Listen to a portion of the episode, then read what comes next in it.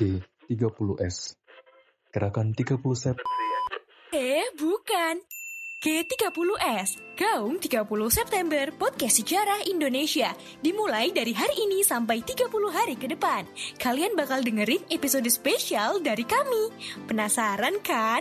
Pokoknya dengerin deh Podcast Sejarah Indonesia dalam G30S adalah Udah, Padahal ya realitas tidak selalu berbanding lurus ya, banyak juga yang nol gitu. Ya kan kalau orang sejarah tahu ya, saya saya orang sejarah tapi saya mau nanya. Saya mau nanya. peristiwanya ya. Kenapa harus begitu gitu ya.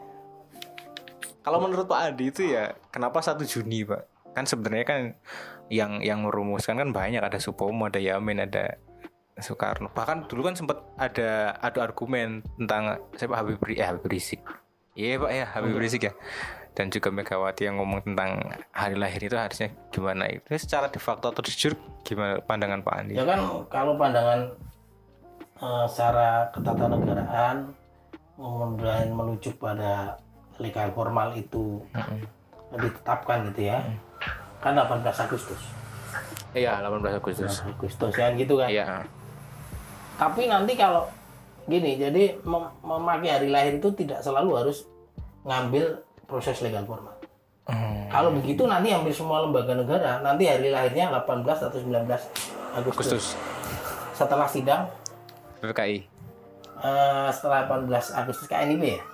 KNIP Setelah 18 Agustus kan udah kita udah hmm, iya iya 17 kan merdeka. Setelah itu kan sidang-sidang itu ya. Karena ada banyak lembaga negara yang dibentuk setelah proklamasi itu. Iya. Ya tanggal-tanggalnya sekitar itu nanti hampir semuanya sama itu.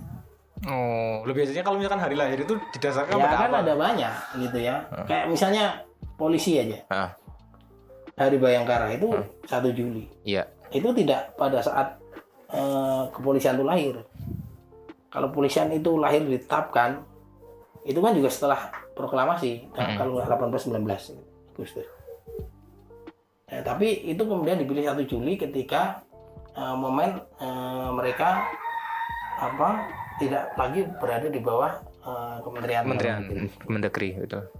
gitu diambilnya. Hmm. Kalau mau ngambil lebih ini lagi, kenapa tidak diambil pada saat misalnya ya, Hmm. saat eh, M Jasin memproklamasikan bahwasanya polisi Surabaya itu sebagai bagian Hmm. dari eh, kombatan perang eh, bagian dari anu Republik Indonesia gitu ya, Hmm. polisi Republik Indonesia. Ini kan ada banyak pertimbangan. Jadi nggak harus selalu begitu ya. Hmm. Ada kesepakatan internal di lembaga itu mau ngambil mana yang paling bersejarah misalnya kan. Ah. Kemudian menurut mereka Ya.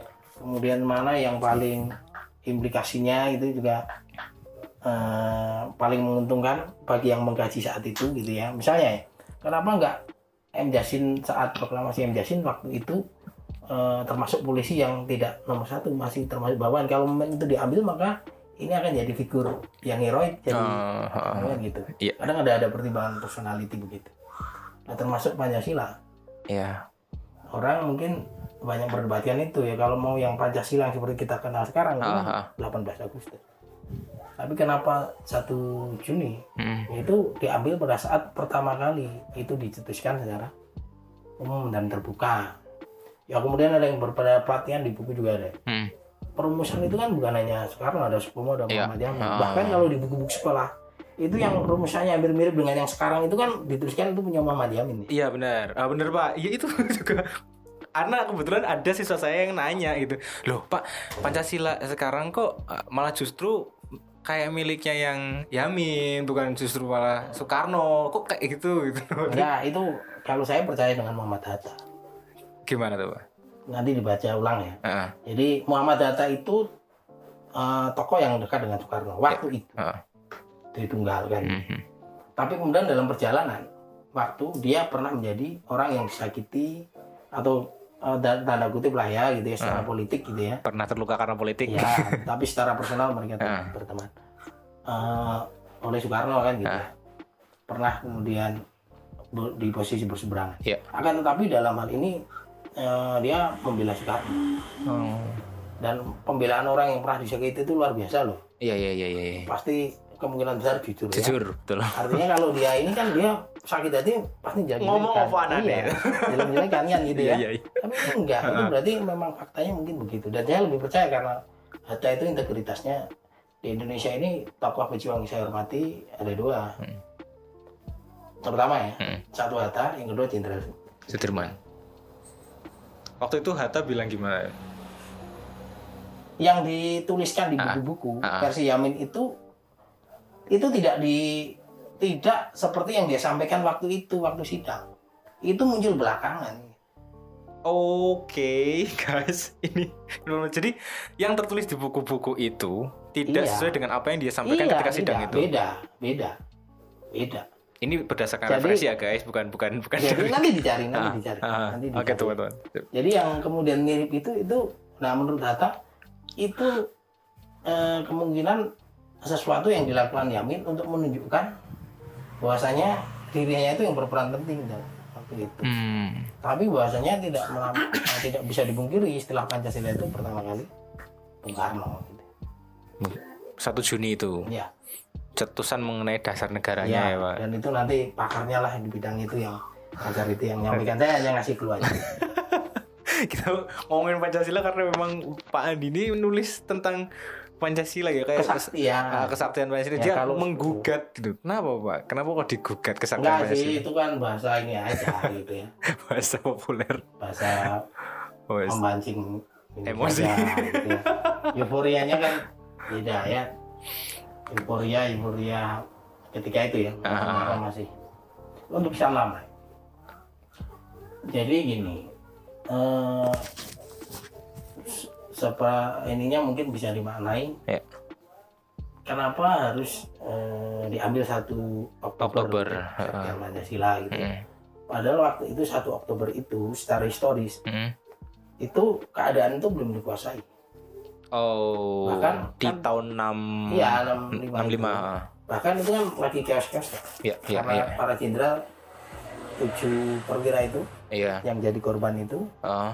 eh, itu em, hilang kan gitu ya. Artinya Oh, 1 Oktober kan iya, masih iya. belum ada titik terang. Iya, bahkan kan peristiwanya pun disebut kadang gestok gitu ya, Pak. Iya. Nah, karena ya masih Jadi berlanjut. belum ada titik terang. Iya. Masih ini ya tanda tanya masih misterius. Ah, Mereka dibawa ke mana, ah. oleh kubu mana, kemudian nasibnya seperti apa masih misterius. Beberapa hari kemudian kan baru ditemukan.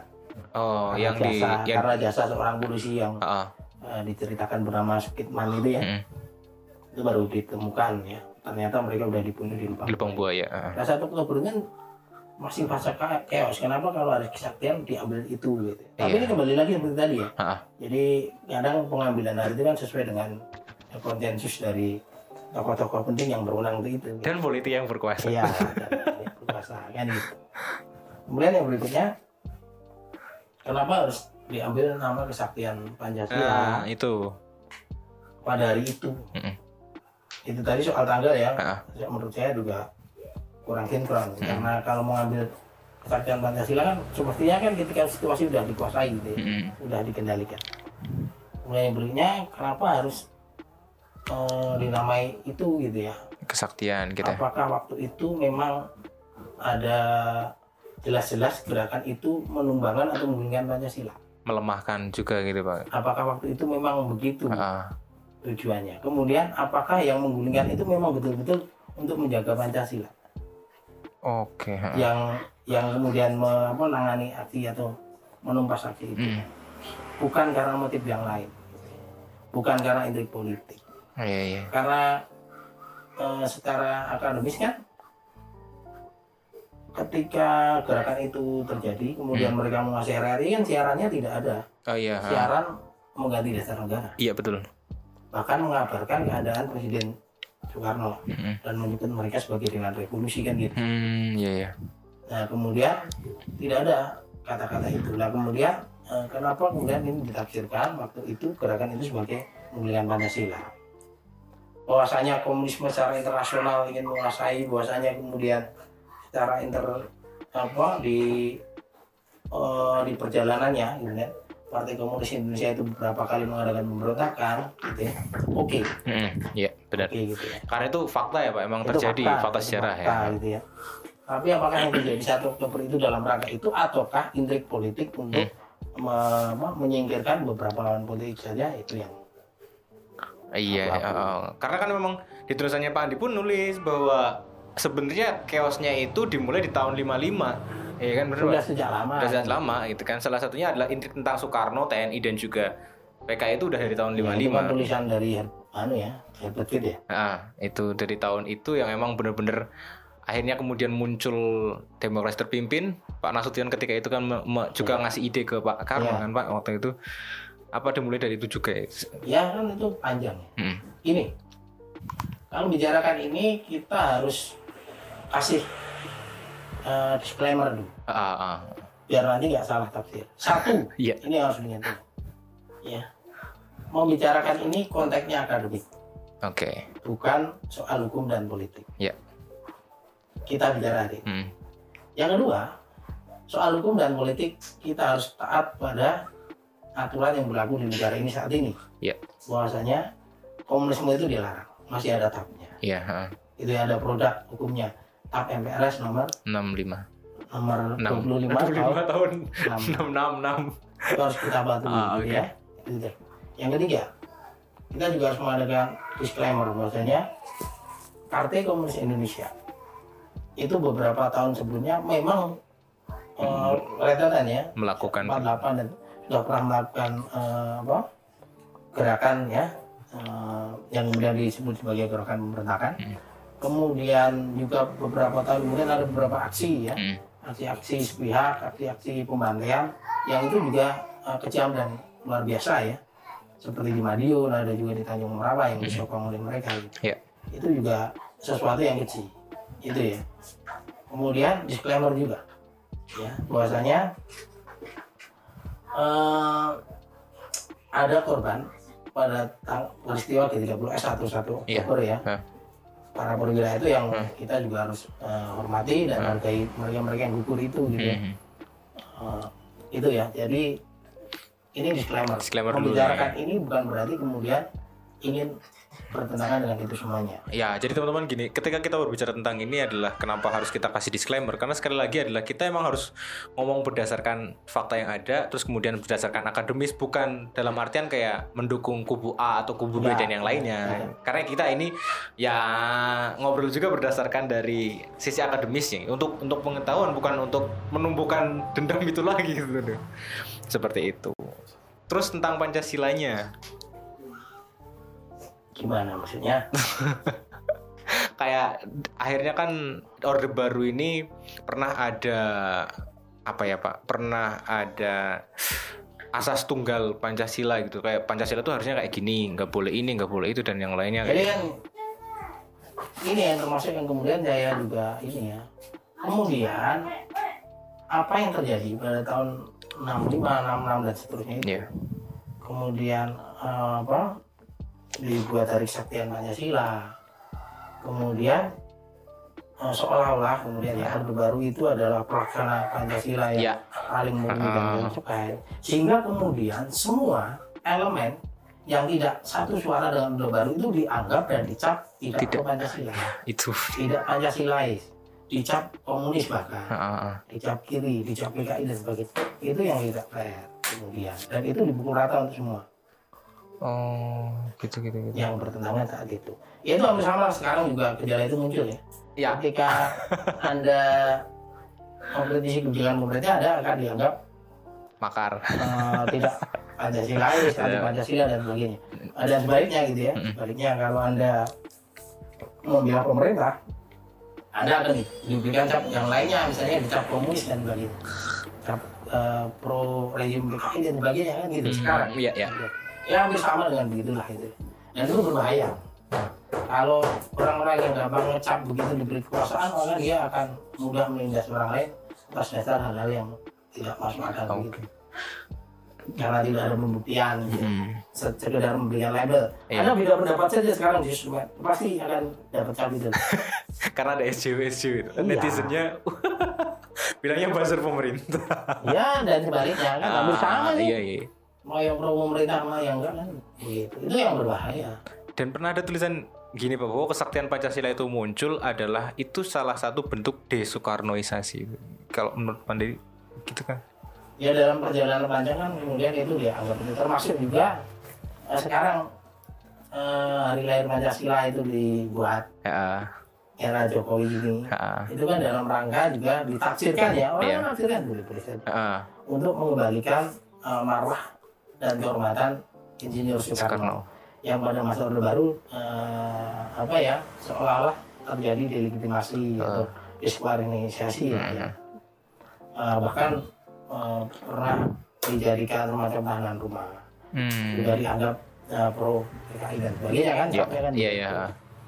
Nah, itu juga kemudian anggapan seperti itu juga mungkin saat Orde Baru berlakukan Soekarno kan. Nah, Iya. kemudian ini yang coba setelah reformasi itu eh, di, eh, dikaji kembali ya, dikritisi kembali secara akademik, kemudian muncul produk-produk hukum dan politik. Salah satunya adalah hari lahir Pancasila. Itu produk hukum dan produk politik. Iya sih ya. Makanya yang tidak yang ini dalam tanda kutip eh, apa tidak setuju itu kan akan menggugat itu dan pengennya 18 Agustus. Ya, eh, ada yang bilang 18 Agustus karena memang secara de jure Yes, 18 dong gitu kan. de facto jure. Iya. Pengennya itu karena konsen apa konsensus yang utuh seperti yang kita kenal sekarang tuh Ah, ah. disebutkan itu kalau satu Julian belum seperti sekarang. Ah, oke oke oke. Terus geser nih. Kita bicara tentang kalau masalah Orde Baru ini kan masih tentang Pancasila, Pak. Dulu ada kemasan kemasannya memberikan apa mencoba untuk belajar Pancasila. Kalau sekarang kan sekarang ada Pak. Kebetulan kalau saya kan memang ini guru kan. Kemarin baru sempat apa booming tentang profil pelajar Pancasila. Nah kan ini ini kayak mulai digalakan lagi gitu bagaimana kemudian uh, nilai-nilai Pancasila ini dimasukkan di RPP gitu Pak di silabusnya juga dan yang lain-lainnya agar si siswa ini tumbuh. Ini juga mungkin salah satu apa bentuk apa ya pengembangan programnya Jokowi yang apa ya revolusi mental mungkin kayak gitu tapi revolusi mental Pancasila gitu. apa apa dulu dulu waktu zaman Pak Andi mungkin zaman ini masuk Orde Baru gitu ya yang P4 dan yang lain itu kayak gimana sih Pak gambarannya kalau mau diceritakan Ya waktu itu kan semua siswa itu kalau masuk sekolah SMP atau SMA kan harus mengalami itu satu minggu. Satu minggu Yes, pengantaran P4 itu programnya hampir kurang lebih itu. ya. Kalau hampir inilah kalau kemudian disebut MOS. ah, ah. MOS itu kalau dulu waktu era Orde Baru itu masa-masa SMP SMA itu itu disebut masa-masa penataran. awal sebelum masuk jenjang gitu Iya, berarti sebelum masuk resmi pembelajaran Ah, itu minggu-minggu awal itu diisi penataran itu M4. Jadi itu wajib di semua jenjang. Jadi kalau boleh dibilang ya lebih masif saat itu kalau dibandingkan yang sekarang kan gitu ya. Sekarang kan profil pelajar Pancasila Hmm. tapi dia terintegrasi Hmm. dalam tiap mata pelajaran. Kalau waktu itu selain terintegrasi ya karena apa semua mata pelajaran waktu itu meskipun eh, tidak seperti sekarang tertulis iya di semua ini, ya. tapi waktu itu pencekokan itu pasti ada di semua mata pelajaran. Tapi waktu itu ada hari-hari khusus gitu. Gimana, kemudian disebut ya itu masa-masa penataran itu yang sekarang tidak ada. Gitu. Oh, oke. Berarti satu minggu full dapat Ya, pembelajaran kurang gitu. begitu. Satu minggu. Kayak sekarang mungkin ada gitu. Bela negara itu yang Tapi kan belum wajib semua. Oh iya iya iya. Kalau sekarang kalau dulu kan kamu masuk SMP ya ngalami, masuk SMA ya ngalami. Itu dapat materi aja apa praktek-praktek gitu? materi. Materi. Nanti masih di pelajaran itu masih dicekoki dengan beberapa itu ya. Heeh. Artinya beberapa doktrin yang disampaikan oleh guru. Mhm. Bahwasanya ini era-era Orde Baru pelaksanaan Pancasila secara murni dan konsekuen dan sebagainya gitu ya. Meskipun dalam prakteknya ada banyak penyimpangan yang sudah mulai kita dengar kan ya, Iya. kita sekolah kan di akhir-akhir eh, pertengahan sampai akhir 90-an kan sudah mulai banyak berita-berita tentang beberapa hal yang menyimpang dari praktek itu. Dan itu menjadi salah satu juga kenapa tahun 99 98 99 mulai goyah pemerintahan. 97 98. Ah 97 Kalau 98. 99 kan sudah jatuh. Ah, 99 oh iya 99 ya udah udah Habibie ya Pak ya. Oke. Eh, geser ke sekarang. Kita tarik ke masa sekarang. Tadi Pak Andi sempat ngobrolin bahwa ya pemerintahan sekarang itu ya apa ya kemasannya modern, demokrasinya tinggi.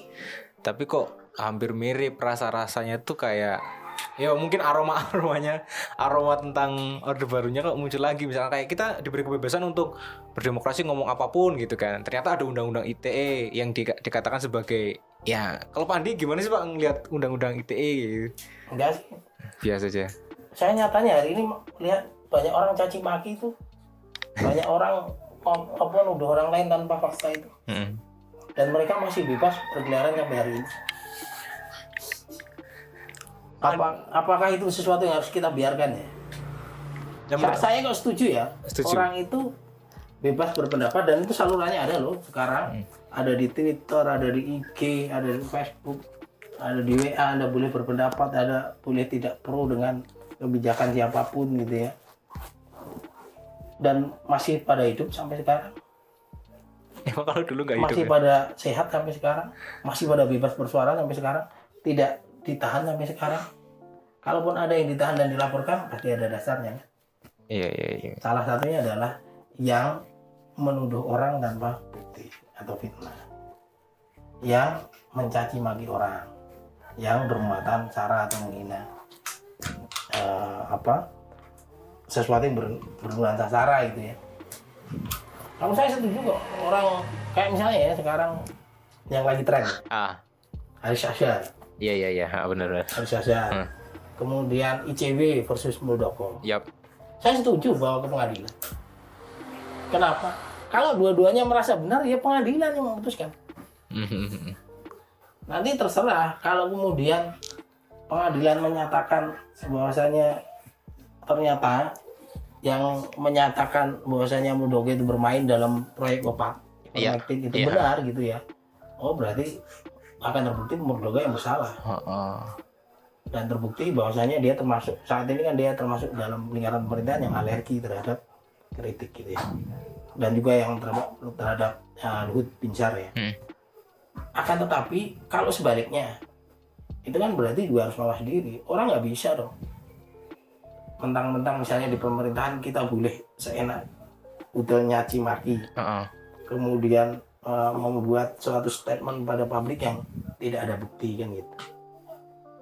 Nah, udah dikasih kesempatan masih satu bulan kan iya iya heeh. untuk membuktikan dan sebagainya kan. Ya ketika ini nggak dipenuhi ya udah hak kedua-duanya untuk uh, bertarung di di Pengadilan. hukum, gitu. Kecuali setelah itu anda hilang. Kecuali setelah itu anda diculik. Kecuali setelah itu anda ditangkap langsung tanpa diadili. nampaknya itu seperti baru. kenal. Itu baru gitu ya. Tapi kalau masih mulai proses hukum ya on the track. Karena masing-masing punya hak hak asasi itu. Oh, iya. Tidak berarti anda boleh melanggar hak orang lain. Bukan hak, asasi itu tidak berarti anda, anda, boleh melanggar hak orang lain. Karena orang lain juga punya hak asasi kan iya iya. Kalau kamu difitnah kamu disampaikan di publik eh, topik begini begini begini begini begini mencuri uang eh, apa osis mencari mencuri uang buku di sekolahan gitu ya disampaikan ke publik kamu merasa itu tidak benar. Meskipun misalnya kamu posisi kepala sekolah di pemerintahan yang mengkritik kamu misalnya itu adalah guru atau kemudian orang tua siswa Iya. masa iya kamu diem aja masa iya atas nama eh, demokrasi kamu membiarkan? Ya kamu kasih kesempatan buktikan kalau Oh. kamu nggak ada bukti ya sudah minta maaf. Kalau kamu nggak mau minta maaf ya sudah kita bertarung di pengadilan. Tapi kan kebanyakan, ya misalkan saya dilaporkan kayak gitu kan, terus kemudian gak terbukti, kebanyakan malah justru saya yang ngelaporin balik kayak gitu loh pak, kayak Ya, sekarang ini. kalau nggak terbukti hakmu juga untuk melaporkan balik. Oh gitu. karena kamu merasa kemudian dirugikan kan? Ah. sudah dicemarkan nama baik dianggap memfitnah kan gitu ah, serba susah juga. Kalau saya yang melaporkan balik terus nanti dianggapnya kayak, wah yang punya jabatan semena-mena. enggak kan gitu ini kan kasus kasusnya gitu Ah. yang dilaporkan itu kan aktivis Iya. yang mengkritisi pemerintahan Ah, namun gitu ya dianggap tidak berdasarkan data ya. dianggap dengan fitnah kemudian yang dikritik itu memberi waktu Mm-mm. untuk memberikan pembuktian Ya. jika tidak silakan minta maaf jika tidak mau mari kita bertarung di pengadilan kan gitu kan Hmm. karena anda sudah dianggap memfitnah ketika kemudian di pengadilan anda menang anda juga berhak kemudian menuntut balik ganti rugi karena anda sudah dicemarkan nama baik dianggap sebagai pemfitnah kan gitu. Ya oke.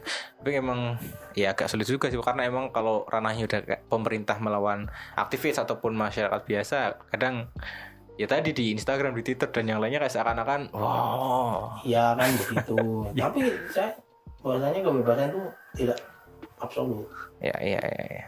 jangan atas nama kebebasan anda bisa dengan mudah mencaci maki orang Nah, meskipun dia di pemerintahan Oke. anda boleh mengkritisi Pak Ganjar Pranowo tapi jangan mengatakan Pak Ganjar Pranowo misalnya GPLK itu kan menghina jangan pula anda mengatakan Pak Ganjar Pranowo itu koruptor korupsi berdana ini ini ini tapi anda nggak punya bukti. Kan nggak boleh.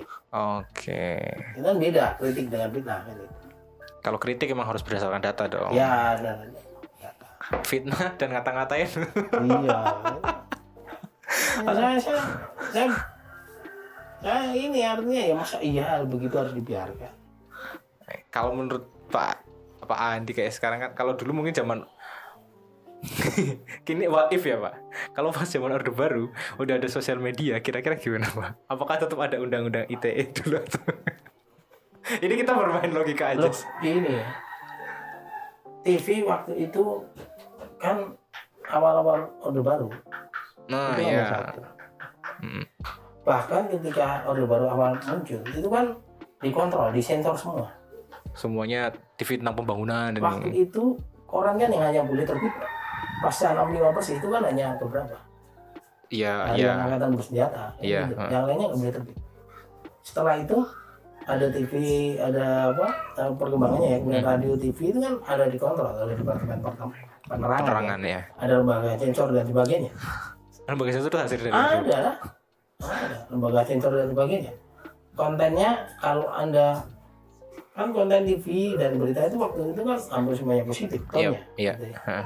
Ya, saya nggak tahu kalau kemudian eh, ada era seperti sekarang, apakah departemen penerangan ini akan nyensor atau enggak, nggak tahu juga. Siapa tahu kemudian kayak di Korea Utara, sosmed sudah merajalela di sana tetap tidak Oh, iya seperti lazimnya negara yang lain kan ya. bahkan nonton Korea Tapi memang di akhir-akhir mau Orde Baru berakhir kan ada banyak TV swasta muncul ya. Ya ah, betul. Mulai ada keterbukaan, ada banyak alternatif berita, sehingga kemudian koran apa koran juga kemudian mulai banyak terbuka dan kemudian orde baru kena tulahnya.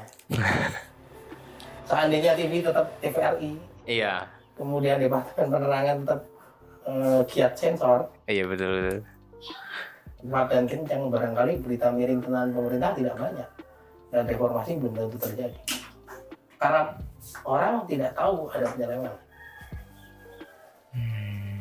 Ya itu berarti karena kuatnya Iya media. lah, kontrol media itu penting. Anda punya media, Anda berkuasa. Kontrol media itu penting. Makanya sekarang era sosmed itu kita harus bersyukur. Ah, Karena kita punya media alternatif. sebagai pengontrol mas Yes. anu, pemerintahan. Misalnya ya, ada peristiwa apa? Koran, misalnya ada ledakan bom di mana itu ya. Koran bisa memberitakan, gitu ya. Nanti beberapa jam kemudian. Tapi orang setempat bisa saja saat itu sudah memberitakan. Hmm, ya ya ya. ya. lengkap leng- lengkap dengan siapa pelaku dan sebagainya gitu ya kemudian ini di- ditengarai orang KTP-nya sini nanti tetangganya KTP itu sudah memberikan konfirmasi betul ini di sini anaknya ini rumahnya ini gitu itu lebih cepat dari korannya kan? Iya, ah. ini keluarganya seperti ini sama tetangga saudara dan sebagainya dia eh, orangnya tertutup. Ya iyalah tertutup teroris masa terbuka ngaku-ngaku aku teroris nih aku mau sebenarnya nggak mungkin. Enggak mungkin kan dong. rata-rata gitu ya? Iya, iya, nah teroris kan bilang ini orangnya tertutup ini dan sebagainya gitu ya. Iya Iya, iya, iya, masa iya. mau buka-bukaan saya teroris saya lagi ngeracik bom nih saya sini Aduh, waduh. ada mau. Ini kalau ngomong sama Pak Adi gak agak selesai selesai ya. Jadi itu karena memang sekarang kan lagi zamannya media banget sih Pak. Pak Adi sekarang juga dosen media ya Pak? enggak karena kebanyakan penelitiannya tentang media-media juga masalah. sumber dan media Oh sumber dan media. dan itu tidak harus IT media pelajarannya tidak harus yang canggih-canggih gitu Mungkin berniat punya media massa gitu. Enggak. saya cukup punya usaha yang bisa menghidupi saya dan menghidupi para mahasiswa yang berjuang untuk menghidupi dirinya sendiri sampai lulus dan nanti berganti ke generasi adiknya begitu seterusnya Oh, sudah bersyukur alhamdulillah berarti mimpinya punya usaha yang stabil Pak Andi. dan nanti mahasiswa saya itu yang ikut saya kemudian beberapa tahun kemudian mereka udah sukses dan kaya bisa ngece aku Pak Andi sih ngono-ngono aku di Alphard itu udah karena memang guru terbaik adalah ketika siswanya jadi yang lebih baik Iya. dari gurunya. saya nggak apa-apa Hah. saya lebih bahagia di EC Heeh. oleh orang yang saya kenal karena mereka berhasil gitu ya daripada daripada saya ditangisi oleh mereka minta bantuan karena kekurangannya dihina-hina saya cukup ini kan Ah. cukup menebalkan telinga saja tapi kalau mereka mereka susah itu bingung. Mau bantu Dewi belum tentu mampu. Nggak bantu kok emang nangis kan gitu. Ya mendingan dihina tapi kamu sukses lah. Tak doakan kamu semua itu lebih sukses dari saya gitu. Amin. Saya bukan karena saya baik enggak. Bukan saya tulus enggak. Itu akan tulus. Dan kamu nanti di masa depan tidak merepotkan saya syukur-syukur kalau sukses bisa bantu saya kalau saya butuh oh, tapi saya berdoa diri saya sendiri mudah-mudahan saya tidak perlu merepotkan orang lain tapi tapi bener sih tuan. Dulu dulu sedikit cerita. Dulu waktu aku jawabannya menyelesaikan tugas akhir kan bikin buku tuh. Salah satu salah satu apa ya namanya ya validatornya itu adalah Pak Andi kebetulan. Bikin buku 60 eh 50 lembar eh 80 lembar kalau nggak salah. Terus waktu itu kan saya ajukan ke temennya Pak Andi. Ada Pak Andi juga. Terus beliau ngomong bahwa, wah buku ini belum memenuhi standar dan baru memenuhi standar itu dia bilang cuma dua lembar yang memenuhi standar. Sisanya diedit. Pas itu tuh saya, aduh, aduh, aduh, dosen kok kena banget. Tapi setelah itu, ya alhamdulillahnya berhasil juga. Dan ya seperti sekarang ini dan dan ya punya podcast secara Indonesia dan akhirnya kan ngajak kolaborasi. Oke teman kita closing dulu. Terima Nah, kasih. nggak, tapi gini ya, artinya Iya. gini. Ada membicarakan tentang peristiwa sejarah apa pun termasuk yang kontroversial sekalipun, no problem. Sepanjang dalam konteks akademis. Tapi kalau sudah masuk ruang hukum dan politik, berhati-hati. Kita harus taat dan patuh pada produk hukum dan politik di Indonesia. Kecuali kamu memang betul-betul mau membangkang pada aturan itu gitu ya. Hmm. Artinya sudah siap dengan segala risikonya. Tapi kalau dalam konteks akademis silakan mau membicarakan peristiwa G30S silakan.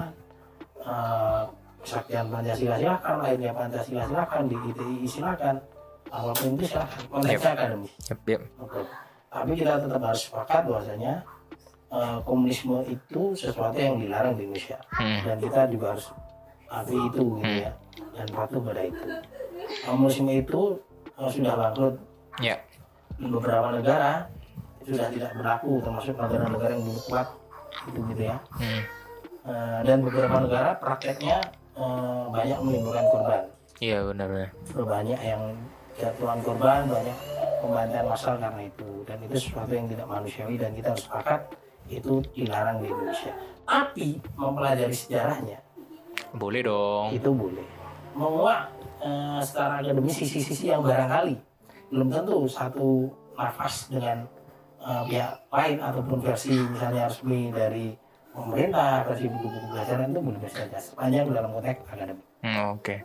Perspektif dalam dunia akademik. dan pertanyaan jawabnya juga secara akademik anda Ya. harus eh, menyampaikan itu Yang penting jangan ngajak-ngajak yang nggak bener kalau kalau udah punya pemahaman tentang yang nggak bener ya teman. Jadi selama itu masih dalam urusan akademis, diskusi dan juga seminar dan lainnya boleh lah. Terima kasih Pak Andi untuk waktunya. Eh, teman-teman selamat mendengarkan podcast secara Indonesia. Ngobrolnya sangat seru sekali. Nanti kita ngobrol lagi sama Pak Andi. Terima kasih. Kalau misalkan ada kritik dan saran kirim aja ke podcastsejarah@gmail.com atau di DM di podcast sejarah Indonesia. Saya Taufik Harpan Adila undur diri pamit. Assalamualaikum warahmatullahi wabarakatuh.